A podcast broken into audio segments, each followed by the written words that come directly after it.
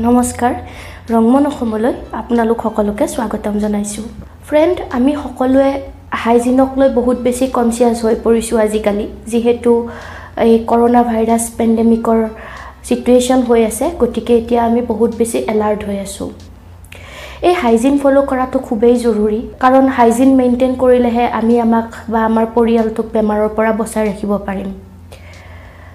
Hygiene বিভিন্ন প্ৰকাৰৰ থাকিব পাৰে। ফুড হাইজিন হওক বা পাৰ্চনেল হাইজিন হওক। চ' ফ্ৰেণ্ড আজি আপোনালোকৰ লগত ফুড প্ৰচেছিং হাইজিন যি ফুড হেণ্ডলিং হাইজিন মানে খাদ্য বনাওঁতে আমি কেনেধৰণৰ হাইজিন মেইনটেইন কৰিব পাৰোঁ সেই বিষয়ে কিছু কথা আলোচনা কৰিম। আমি যেতিয়া ঘৰত খাদ্য প্ৰস্তুত কৰোঁ তেতিয়া আমি হাত সকলোৱে ধুওঁ বা বজাৰৰ যি বস্তু আমি আনো শাক পাচলি আমি সকলোৱে ধুই লৈহে ইউজ কৰোঁ। কিন্তু এই হাত ধোৱা বা বস্তুখিনি ধুই লোৱাই হয়তো চাফিচিয়েণ্ট নহয়। এটা কমপ্লিট হাইজিন ফ'ল' কৰিবলৈ।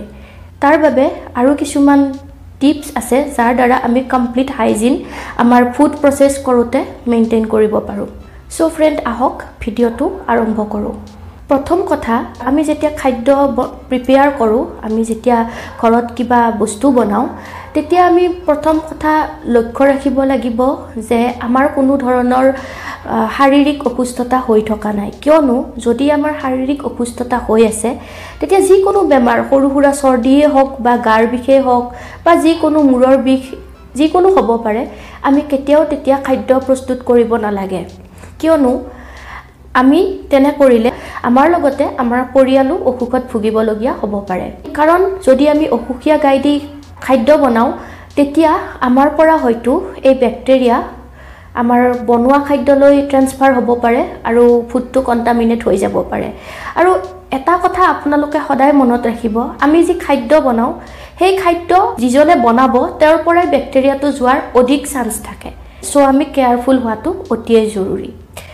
দ্বিতীয়টো কথা হ'ল আমি এইটো মন কৰিব লাগিব যে আমি যেতিয়া এটা লাঞ্চেই হওক বা ডিনাৰেই হওক বা যিকোনো ডিছ আমি ৰেডি কৰিবলৈ যাওঁ তেতিয়া আমি যি কটাৰী বা চুৰি আমি ইউজ কৰিম প্ৰিপেয়াৰ কৰিবলৈ আমি এইটো মন কৰিব লাগিব যে বস্তুখিনি বনোৱাৰ আগত আমি এই কটাৰীখন বা চুৰিখন ধুই ল'ব লাগিব আৰু সদায় বনোৱাৰ পিছতো ধুই ল'ব লাগিব।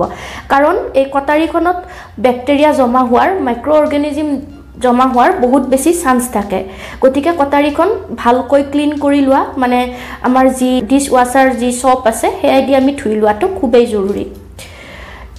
লগতে আমাৰ যি চব্জি কাটিবলৈ আমি যি বাস্কেট ইউজ কৰোঁ বা যি এনেকুৱা চেল্ফত আমি চব্জি কাটোঁ সেইখিনিও কাটাৰ আগতে আমি চাফা কৰি লোৱা দৰকাৰ কাৰণ তাতে ধূলি বালি বা কিবা জাৰ্মছ থাকিব পাৰে চ' সেইখিনি আমি ক্লিন কৰি ল'ব লাগে।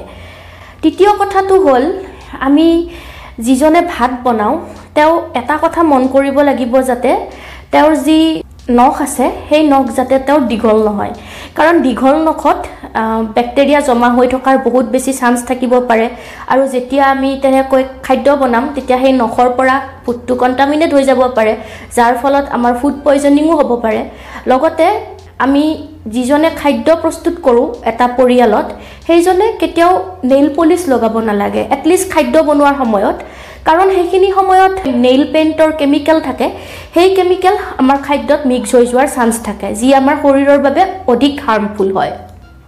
নেক্সট ফ্ৰেণ্ড আমি আন এটা কথা গুৰুত্ব দিব লাগিব সেয়া হৈছে আমি যিজনে খাদ্য বনাওঁ আমাৰ যাতে হাতত বা নখত কোনো ধৰণৰ আঘাত নাই।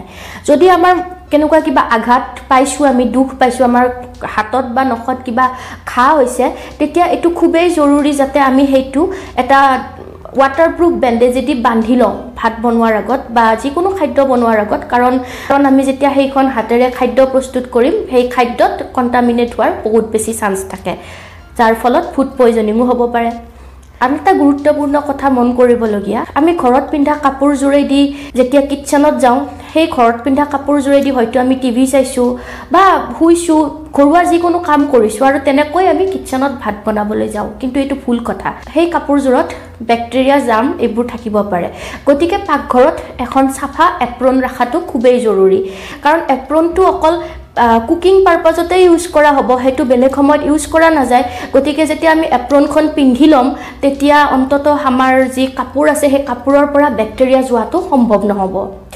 আৰু এটা কথা মন কৰিবলগীয়া আমি যি ছোৱালী বা মহিলাসকলে যি চুলি আমাৰতো দীঘল হয় গতিকে আমি যেতিয়া খাদ্য বনাওঁ তাত চুলিৰ পৰাও বেক্টেৰিয়া যোৱাৰ খুবেই চান্স থাকে। খাদ্যত চুলি পৰিবও পাৰে তাৰোপৰি চুলিৰ পৰাও আমাৰ বেক্টেৰিয়াও যাব পাৰে। কাৰণ কেতিয়াবা হয়তো দীঘল চুলি আমি টাচ কৰি খাদ্য বনাওঁ সেইটো খুব বেয়া কথা। তাৰ কাৰণে আমি এনেকুৱা কৰিব লাগিব যে অন্ততঃ খাদ্য বনোৱাৰ সময়ত আমি চুলিটো টানকৈ বান্ধি ল'ব লাগিব যাতে আমাৰ হেয়াৰ টাচ কৰাৰ কোনো ধৰণৰ চান্স নাথাকে। বা চুলিৰ লগত খাদ্যৰ কোনো ধৰণৰ কণ্টেক্ট হোৱাৰ চান্স নাথাকে। আৰু খাদ্য বনাওঁতে অন্তত এই যি আমি মুখ বা আমাৰ যিকোনো বডিৰ হাত হওক বা ডিঙি হওক এইবোৰ যাতে আমি বা মোবাইল ফোন এনেকুৱা কোনো ধৰণৰ বস্তু যাতে আমি টাচ কৰি খাদ্য নবনাওঁ। সেইখিনি সময়ত আমি যিখিনি সময়ত কুকিং কৰি থাকোঁ সেইখিনি সময়ত আমাৰ হাতে বেলেগ টাচ কৰাটো একেবাৰেই ভাল কথা নহয়। তাৰ পাছত ফ্ৰেণ্ড আন এটা গুৰুত্বপূৰ্ণ কথা মন কৰিবলগীয়া যে আমি যি আঙুঠি পিন্ধোঁ বা হাতত যেনেকুৱা অৰ্ণামেণ্টছ পিন্ধোঁ এই আঙুঠিবোৰ এ, অন্ততঃ ভাত বনোৱাৰ সময়ত মানে খাদ্য প্ৰিপেয়াৰ কৰাৰ সময়ত আমি খুলি থোৱাটো জৰুৰী। কিয়নো আমাৰ যেতিয়া পাথৰৰ আঙুঠি পিন্ধোঁ তাৰ পৰা হয়তো পাথৰৰ খুব সৰু অংশ এটা আমাৰ খাদ্যৰ লগত মিহলি হৈও যাব পাৰে। কাৰণ আমি ৰুটি বনালে যি ডো তৈয়াৰ কৰোঁ সেই ডো তৈয়াৰ কৰোঁতে আমাৰ হাতখনটো ইউজ হ'বই আৰু সেই আঙুঠিৰ সৰু পাথৰৰ টুকুৰা হয়তো এই আটাখিনিৰ লগতে মিহলি হৈ গ'ল বা চাউল ধুলোঁ চাউলৰ লগতে মিহলি হৈ গ'ল আৰু তাৰ কাৰণেতো আমাৰ বহুত হাৰ্মফুল এফেক্ট হ'ব পাৰে শৰীৰত। সেইকাৰণে আমি আঙুঠি খুলি ল'ব লাগে। অকল সেইটোৱে নহয় আঙুঠিত যিহেতু সৰু সৰু ফাক থাকে সেই ফাকবোৰত হয়তো বেক্টেৰিয়া বা any kind of micro' organism তাতে সোমাই থাকিব পাৰে যাৰ ফলত খাদ্যৰ লগত মিহলি হৈ আমাৰ শৰীৰত অপকাৰ কৰিব পাৰে। চ' ফ্ৰেণ্ডছ এনেকুৱা সৰু সৰু ৰুলছ যি আমি খাদ্য প্ৰিপেয়াৰ কৰোঁতে মেইনটেইন কৰা খুবেই জৰুৰী। কাৰণ এনেকুৱা সৰু সৰু টিপছ আমি মেইনটেইন কৰিলেহে আমি আমাৰ আমাৰ লগতে আমাৰ পৰিয়ালটোকো সুস্থ কৰি ৰাখিব পাৰিম ভাল খাদ্যৰ যোগেদি। চ' ফ্ৰেণ্ডছ আশা কৰোঁ আপোনালোকৰ আজিৰ ভিডিঅ'টো হেল্পফুল হ'ব। যদি আপোনালোকৰ মনতো তেনেকুৱা কিবা আইডিয়া আছে কমেণ্টত নিশ্চয় জনাব। আজিলৈ ইমানতে বাই বাই